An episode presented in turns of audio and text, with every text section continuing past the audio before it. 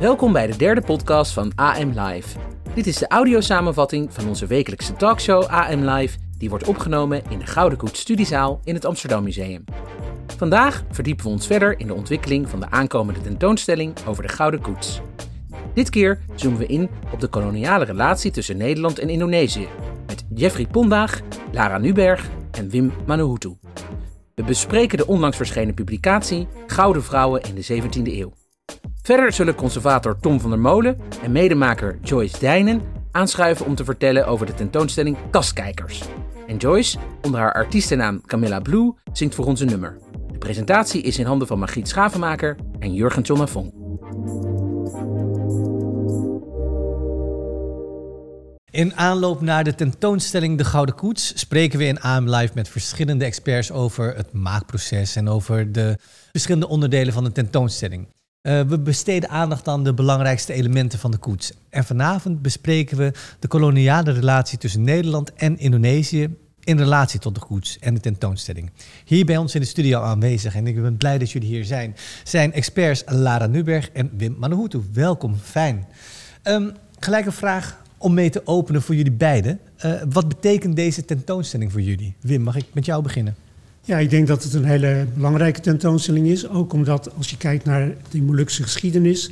En vooral voor de Molukse mensen die in Nederland terecht zijn gekomen. Vooral voormalige militairen van het uh, koloniale leger en hun vrouwen en kinderen. Dan speelt het vorstenhuis en met name koningin Wilhelmina speelt een hele belangrijke rol. Uh, de collectie van het uh, Molukse Historisch Museum, daar zitten allerlei mooie beelden in.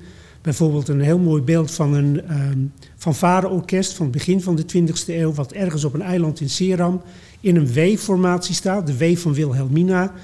Smet, uh, smetteloze witte pakken. En dat laat ook zien, dat is echt.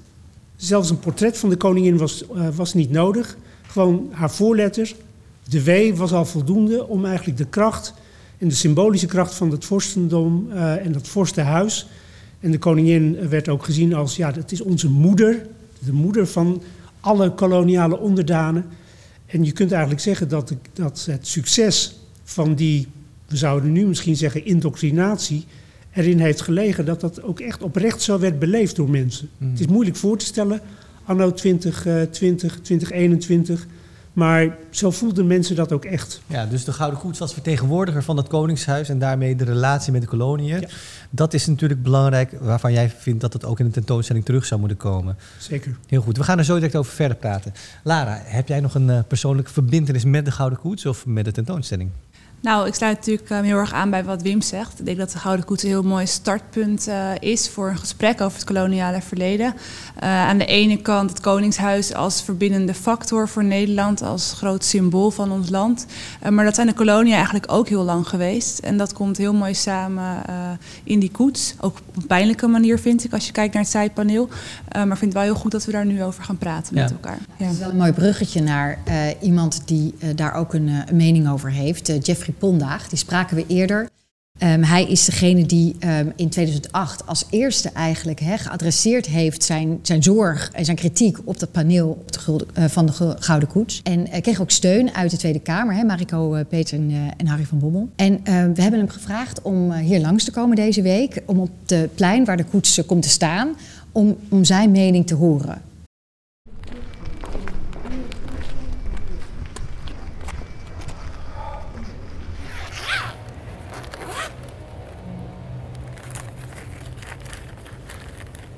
Kijk, hier is mee begonnen. De 350 jaar bezetting, de koloniale racistische bezetting, is hiermee begonnen. Want als je dit niet laat zien, dan snap je het niet. Weet je wat het is? Nou, dit zijn pepers en dit is kruidnagel en dit is die beruchte notenmuskaat waar Pieter Koen genocide heeft gepleegd in Banda. Deze foto heb ik laten zien uh, in de Tweede Kamer. Ik, ik werd toen zeg maar, ontvangen door Harry van Bommel en uh, Mariko Peters. En toen zeg ik tegen Harry van dit moet afgelopen zijn. Want dit is een grove belediging. Ik hoop dat de, de, de, de, kijkers en ook de, de bezoekers en ook uh, de directie van uh, Amsterdam Museum misschien nog wat sterker naar voren breng wat er eigenlijk uh, aan, de hand is. Kijk, wij zijn, van, van, wij zijn mensen van vlees en bloed. Het is niet zomaar iets. Voordat Nederland zelf heeft meegemaakt, waren ze al bezetters. Ja, dan heb ik het over de Japanse bezetting. Dan heb ik het over de Duitse bezetting. Dus ho hoezo? Ik bedoel, waarom? Ik bedoel, wij willen ook vrij. Ik denk eerder dat ze dus moeten inzien en ook openlijk excuus aanbiedt aan het Indonesische volk. Want hoe je keert en draait, iedere steen die hier ligt, is gestolen. Dat de Nederlandse regering uh, excuus moet aanbieden aan het Indonesische volk. En dat ze dus de schade die ze gemaakt hebben, die, die moeten ze gewoon vereffenen. Uh, ik bedoel, uh, het, is, het, is, het is niet te geloven dat wij, Indonesiërs, 103 miljard euro's in de tijd 45, 49 schadevoeding betaald aan Nederland. Dus wat gebeurt er eigenlijk? In plaats wij worden geholpen om het land op te bouwen, worden we nog meer geknepen. Dus, dus dat is het verhaal. Tenminste, dat is de geschiedenis. En, daar moet zeg maar, eh, de staat eigenlijk eindelijk aan hun volk vertellen dat wij gewoon fout zijn. Punt. Er is namelijk geen komma. Wim, uh, jij kent uh, Jeffrey en zijn standpunt, hè? ook als voorzitter van Stichting Comité Nederlandse Ereschulden, ongetwijfeld goed. wat, wat vind jij daarvan, van zijn positie? Ik vind dat hij een aantal hele sterke punten heeft. Hè. Twee van de drie specerijen die hij laat zien, die komen uit, uit de Molukken. maar als hij zegt, voor ons, voor de mensen in Indonesië, was dat hele koloniale verhaal een bezetting hij maakt dan de vergelijking met de Duitse bezetting. Dat is natuurlijk iets wat heel veel mensen in Nederland als moeilijk zullen ervaren. Maar als je je probeert te verplaatsen in de situatie en de positie van de mensen in Indonesië, dan was dat natuurlijk helemaal niet zo anders. Alleen uh, de mensen in Nederland hebben dan aan de andere kant van uh, die scheidslijn gestaan. Lara, um, jij met je, je huidige onderzoek, je toch ook een andere generatie, jongere generatie. heb jij contact met Jeffrey en hoe, hoe kijk jij naar zijn positie? Ja, ik heb best wel goed contact uh, met Jeffrey. Ik spreek hem ook wel regelmatig. Ja, ik, uh, ik schrijf veel over Indische identiteit en hoe dat er ook voor mijn generatie uitziet. Maar natuurlijk ook terugblikkend op, uh, of reflecterend op hoe mijn oma daarin stond en de generatie van mijn moeder. En ik merk daar wel een verschil. Jeffrey die kan onder andere op social media best pittig overkomen. En dat vinden heel veel oudere mensen met name heel moeilijk. Die voelen zich aangevallen. Weet je, als, als koloniaal worden uitgescholden. Dan denk je, ja, maar wij kwamen ook maar naar Nederland als slachtoffers van de Tweede Wereldoorlog. En eigenlijk ook zelfs als slachtoffers van de Indonesische onafhankelijkheidsstrijd. Uh, maar ik probeer. Je vindt dat zij toch deel van het probleem zijn, hè? Ja, met name dan uh, Indische, ja, Indische Nederlanders en nou ja, Molukkers net zo goed. Um, en ik snap wel wat hij zegt. En dat is zonder uh, mijn eigen familie uh, zwart te willen maken. Je moet je wel durven kijken, vind ik, nu, na 75 jaar, naar wat de verhoudingen zijn geweest in het verleden. En uh, ja, dan kan ik niet anders dan concluderen dat mijn oma heeft bijvoorbeeld voor Westerling als secretaresse gewerkt toen hij net in uh, Medan aankwam op Sumatra. Voor de mensen die niet weten wie Westerling is, wie was hij? Nou ja, uh, Westerling was uh, een generaal die heel erg heeft uit, huisgehouden op Sulawesi. Daar is hij waarschijnlijk het bekendst om geworden uiteindelijk. Um, en mijn oma werkte voor hem toen hij net na de capitulatie van Japan uh, werd geparachuteerd op Sumatra. En daar eigenlijk de eerste inlichtingendienst ging opzetten om voor Nederland uh, te achterhalen wat de situatie was in dat gebied. Um, ja, en in mijn familie werd daar, was, ja, die was daar best wel trots op, denk ik. Daar werd in ieder geval niet over gesproken van... oh ja, dat hebben we aan de verkeerde kant van de geschiedenis gestaan. Nee, we zijn Nederlanders, dus het is heel goed dat um, we aan die kant van de geschiedenis hebben gestaan.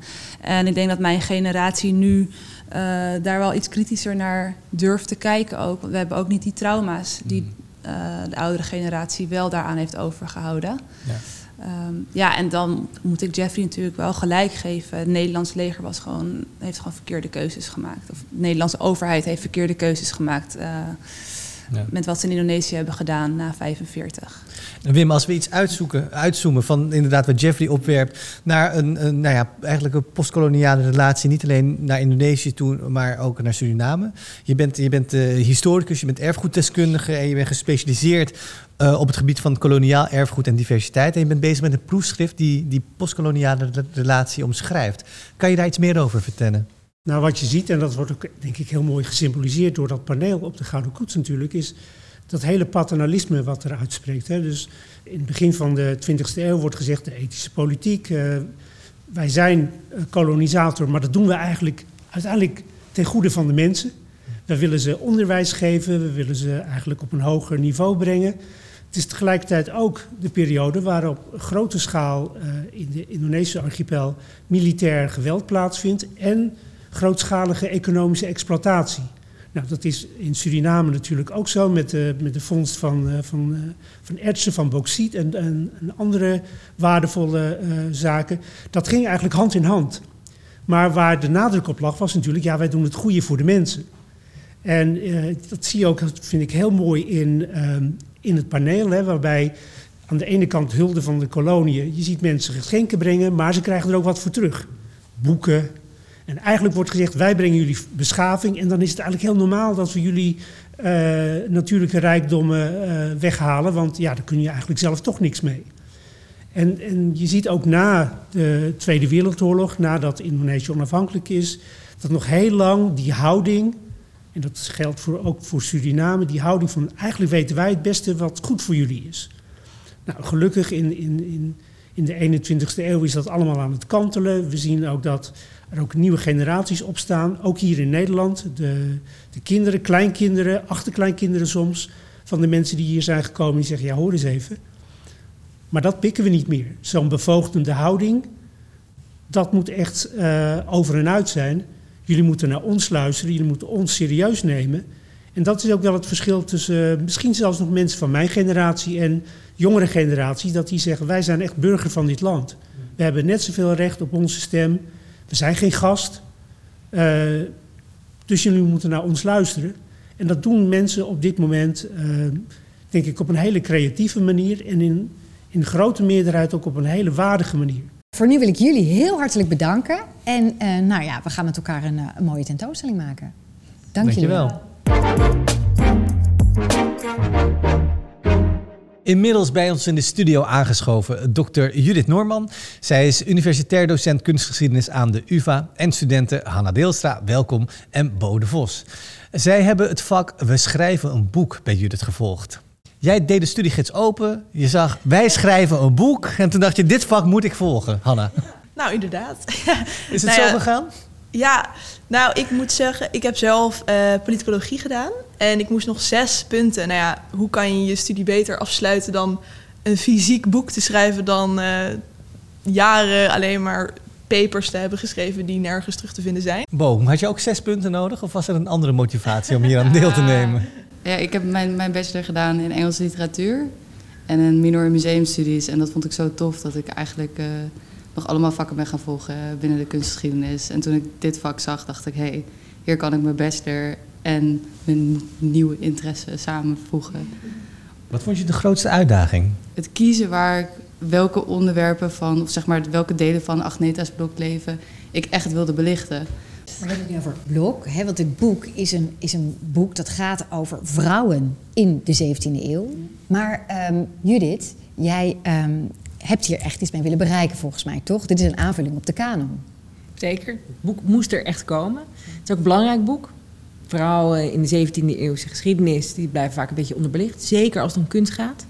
Ik denk toch vaak, ja, die kunst is door en voor mannen gemaakt. Zo is het mij als dus door ooit geleerd. En ik probeer dat nu niet meer uh, uh, op die manier te doseren. En hoe beter dat te doen door een aantal vrouwen gewoon de geschiedenis in te schrijven. En de vrouwen die aan bod komen, het zijn kunstenaars, maar het zijn ook onderwerpen van, van, van het zijn ook geportretteerden, of niet? Ja, klopt. Ook opdrachtgevers en verzamelaars. Er zit ook een handelaar in uh, van uh, tweedehands schilderijen, Barbara Jacobs. Uh, dus ja, het is eigenlijk uh, een, een soort uh, ja, 360 graden scan van de vrouw op de kunstmarkt in de 17e eeuw. Ja, ik vind het een heel interessant onderwerp. Ik, toen ik bij het Stedelijk Museum werkte ooit, heb ik een scan laten doen. Hoeveel vrouwen zitten er in die collectie? Hmm. 4 Hier in dit museum 9% dus het is dramatisch. Dus ik ben heel benieuwd, hebben jullie daar ook een beeld van? Hoeveel van de werken die je hierin laat zien, of van de makers die je hier naar voren haalt, zijn er verzameld eigenlijk in Nederland? Um, nou ja, ik denk dat er veel verzameld is, maar het gaat meer eigenlijk. Uh, de vrouw, de geschiedenisinschrijver gaat om meer dan alleen kunstwerken van vrouwelijke uh, schilders of iets dergelijks. Het gaat ook om vrouwen die iets deden en op een andere manier een impact hadden op de kunst of op een andere manier handelden. Ze waren niet alleen moeder, muze, Maria. Dat is een beetje wat je altijd ziet. Maar dat is natuurlijk onze fout. Dat heeft niks met de geschiedenis te maken. Dat doen wij. En dat kan wel een stukje beter. De bewegingsvrijheid van vrouwen, konden zij evenveel als handelaar, als, als, als verzamelaar, als mannen? Of was die hiërarchie in die maatschappij toen nog wat ingewikkelder?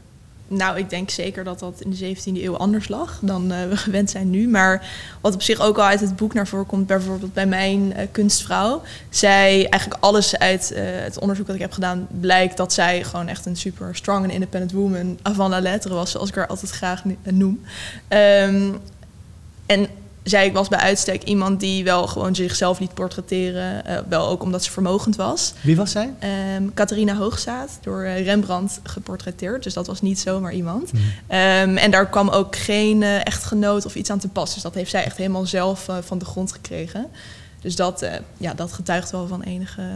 Ja, Zelfstandigheid. Zelfstandigheid, ja, ja, Ontzettend bedankt voor jullie komst en succes met, met jullie studie en succes in de toekomst. Dank jullie wel. 500 jaar geleden werd in Amsterdam het eerste weeshuis gesticht in de Kalverstraat. Dit was het begin van de jeugdhulp in de stad. In 1580 verhuisde het weeshuis naar dit gebouw waar we nu zitten, waar tot 1960 notabene tienduizenden kinderen zijn opgegroeid. Begin november openden we de tentoonstelling Kastkijkers, met werk van jongeren die de afgelopen jaren jeugdhulp hebben gehad. In verschillende kunstvormen geven zij expressie aan hun gedachten, hun gevoelens, maar ook hun problemen. We spreken vandaag met Joyce Dijnen, hier te gast, een van de jongeren die een eigen kastje heeft ingericht. En daarnaast uh, ambassadrice van uh, de jeugd, nee, de pleegzorgorganisaties. En we krijgen zo meer uitleg over de tentoonstelling door curator Tom van der Molen. Welkom beiden. Joyce, om met jou te beginnen, heel fijn dat je er bent. Je hebt echt een prachtig kastje ingericht. Kan je ons iets vertellen welk verhaal je in je kastje wilde vertellen? Uh, nou, vanaf, mijn, vanaf mijn tweede zit ik in een, uh, woonde ik in een pleeggezin. Um, en uh, daarbij heb ik een nummer geschreven, wat ook met een QR-code in het kastje te horen is. Uh, en dat nummer gaat vooral over de bevestiging, waar ik nog steeds eigenlijk stiekem naar op zoek ben. Doordat je toch een stukje door je pleegouders. Wat je niet hebt meegekregen van je eigen ouders. En toch, toch het stukje, dat, dat, dat ene stukje kunnen je pleegouders niet invullen. Hmm. En daar gaat mijn kastje over. Dus dat gemis is wel altijd aanwezig? Ja, en het altijd op zoek zijn dus naar die bevestiging. Mag ik er wel zijn? Uh, hmm. En dat heeft ieder kind. Maar ik denk als jij opgegroeid bent in een pleeggezin... dat het toch wel ja, een extra uh, dingetje is. Tom, jij uh, werkt hier als conservator uh, in het Amsterdam Museum. Hoe is dit project tot stand gekomen? Nou, uh, Level kwam naar ons toe. Level is dus de jeugdzorginstelling voor Amsterdam. Voor Genetische Spirit en de Bascule. sommige onderdelen van onze collectie, die hebben wij een bruikleen van hun. dus ze weten ons goed te vinden, omdat wij in het oude burgerweeshuis zitten. Bijvoorbeeld de regentenkamer hier niet ver vandaan is zo'n beetje vol met bruiklenen van Level. Uh, zij kwamen hierheen en uh, ze zeiden van ja, 500 jaar jeugdzorg, daar moeten we wat mee doen. Daar moeten we een tentoonstelling mee doen. En dat willen we doen met jongeren van nu. Nou ja, dat, waren we meteen heel enthousiast over. Want ja, dat, dat doen we graag. Het verleden in verband brengen met, met het heden. Uh, op deze manier. En dan ook nog op een plek die zo direct met de wees jongens in dit geval te maken heeft. Want dat heb jij verzonnen toen, toch? Dat, ja. Uh, want leg even uit, wat zijn nou die kastjes? Ja, we hebben hier op de binnenplaats hebben we uh, wezenkastjes. Uh, dat zijn kastjes waarin jongens die een vak leerden, dus jongens die ietsje ouder waren, vanaf 12 jaar ongeveer, die gingen de stad in naar een timmerman of een loodgieter of een kuiper, iemand die van die grote vaten maakte. En daar gingen ze in de leer. Uh, en daar hadden ze gereedschap voor nodig. En dat moesten ze zelf meenemen. Dus als ze dan terugkwamen s'avonds en gingen slapen, legden ze hun gereedschap netjes in hun lokkers, de wezenkastjes. En de meisjes mochten borduren, hè? Die, uh, ja, wat dat betreft, nou ja, de meisjes die hadden inderdaad een ander vak wat ze moesten leren. Die werden opgevoed tot huisvrouw of dienstmeid. De kussens in de Gouden Koets, die zijn geloof ik geborduurd door de meisjes die hier in het burgerweeshuis ja. zaten. Absoluut, ja. Nee, dus dat is natuurlijk ook een van de redenen dat wij die tentoonstelling mogen organiseren. Dat begrijp je inderdaad. Wat heeft jou het meest geraakt aan de tentoonstelling? Aan al die artistieke bijdragen van de jongen van nu? Nou, de enorme breedte van verhalen. En dat zijn natuurlijk uh, hele ontroerende verhalen en soms verdrietige verhalen. Uh, maar ook de, de sterke manier en de kracht waarmee die verhalen gebracht worden. Ik bedoel, ja, ze hebben allemaal wat meegemaakt. Ze hebben niet voor niks jeugdzorg uh, ooit een keer in hun leven moeten krijgen. Maar het wordt op zo'n mooie manier uh, omgezet in, in kunst en in muziek. En dat, dat heeft mij ook echt enorm geraakt. En dat vond ik ook uh, waarom ik het echt heel erg gaaf vond dat ik deze tentoonstelling mee mocht maken. Joyce, zoals ik al zei, je, je, in de, jouw kastje is een schilderij te zien dat je zelf hebt gemaakt. Kan je daar heel kort iets meer over vertellen?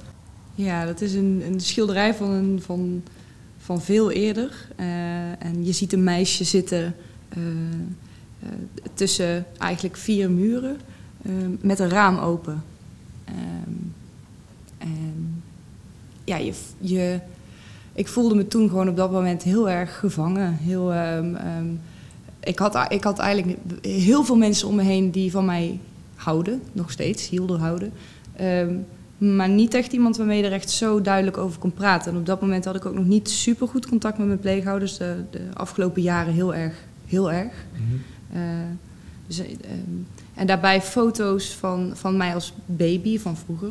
Uh, en de brieven die mijn echte moeder stuurde. Mm. Dus de, zij stuurde zoveel, ontzettend lange, zoveel brieven.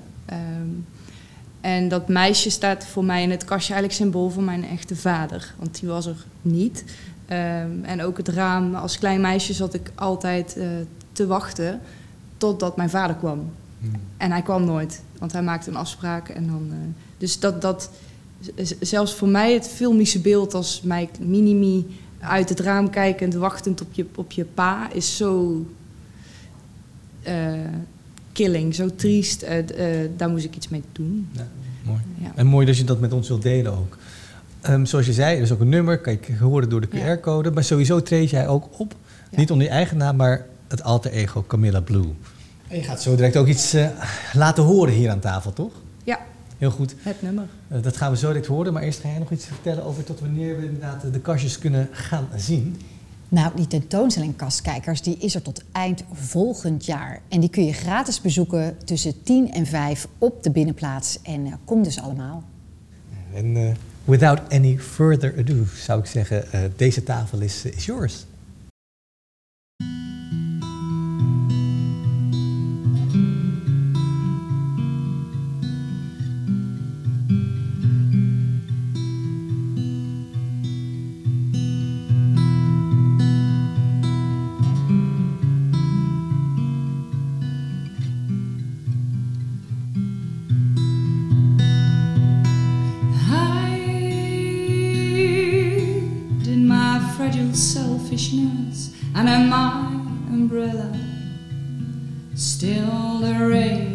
Sticking on my face. Oh, and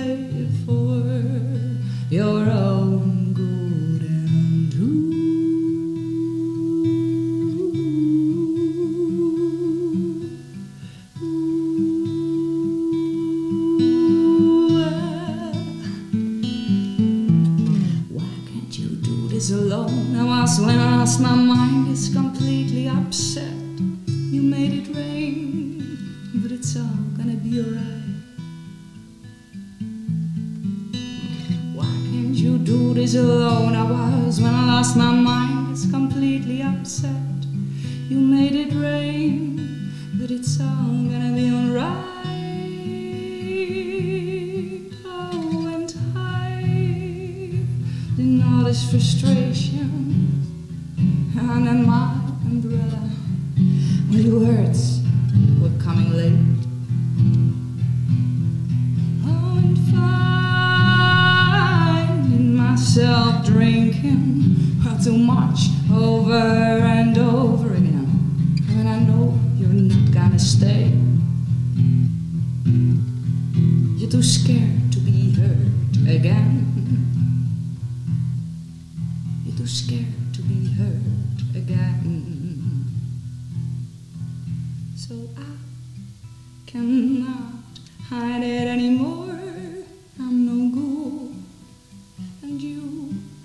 Should walk away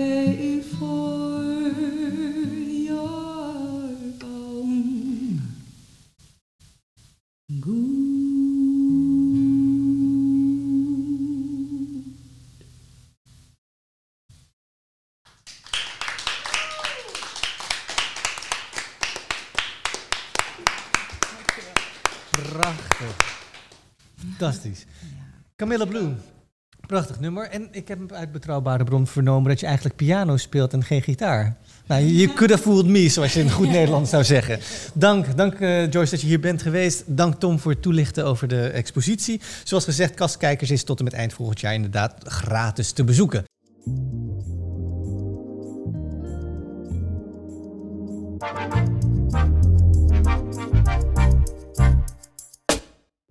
Dit was AM Live van deze week. Dank aan alle gasten en aan u voor het luisteren. Wil je de hele uitzending bekijken? Dan kan dat op onze website amsterdammuseum.nl. Als je wilt reageren op deze uitzending, dan kan dat door te mailen naar podcastapenstaartje amsterdammuseum.nl. En we vinden het heel leuk als je een review kunt achterlaten op iTunes. Dat helpt anderen ook deze podcast te vinden. Over twee weken zijn we er weer met een special geheel in het teken van Refresh Amsterdam. De nieuwe tweejaarlijkse manifestatie waar maar liefst 25 kunstenaars aan meewerken met presentaties en werken in het museum en op diverse locaties in de stad. Dank voor het luisteren en tot over twee weken.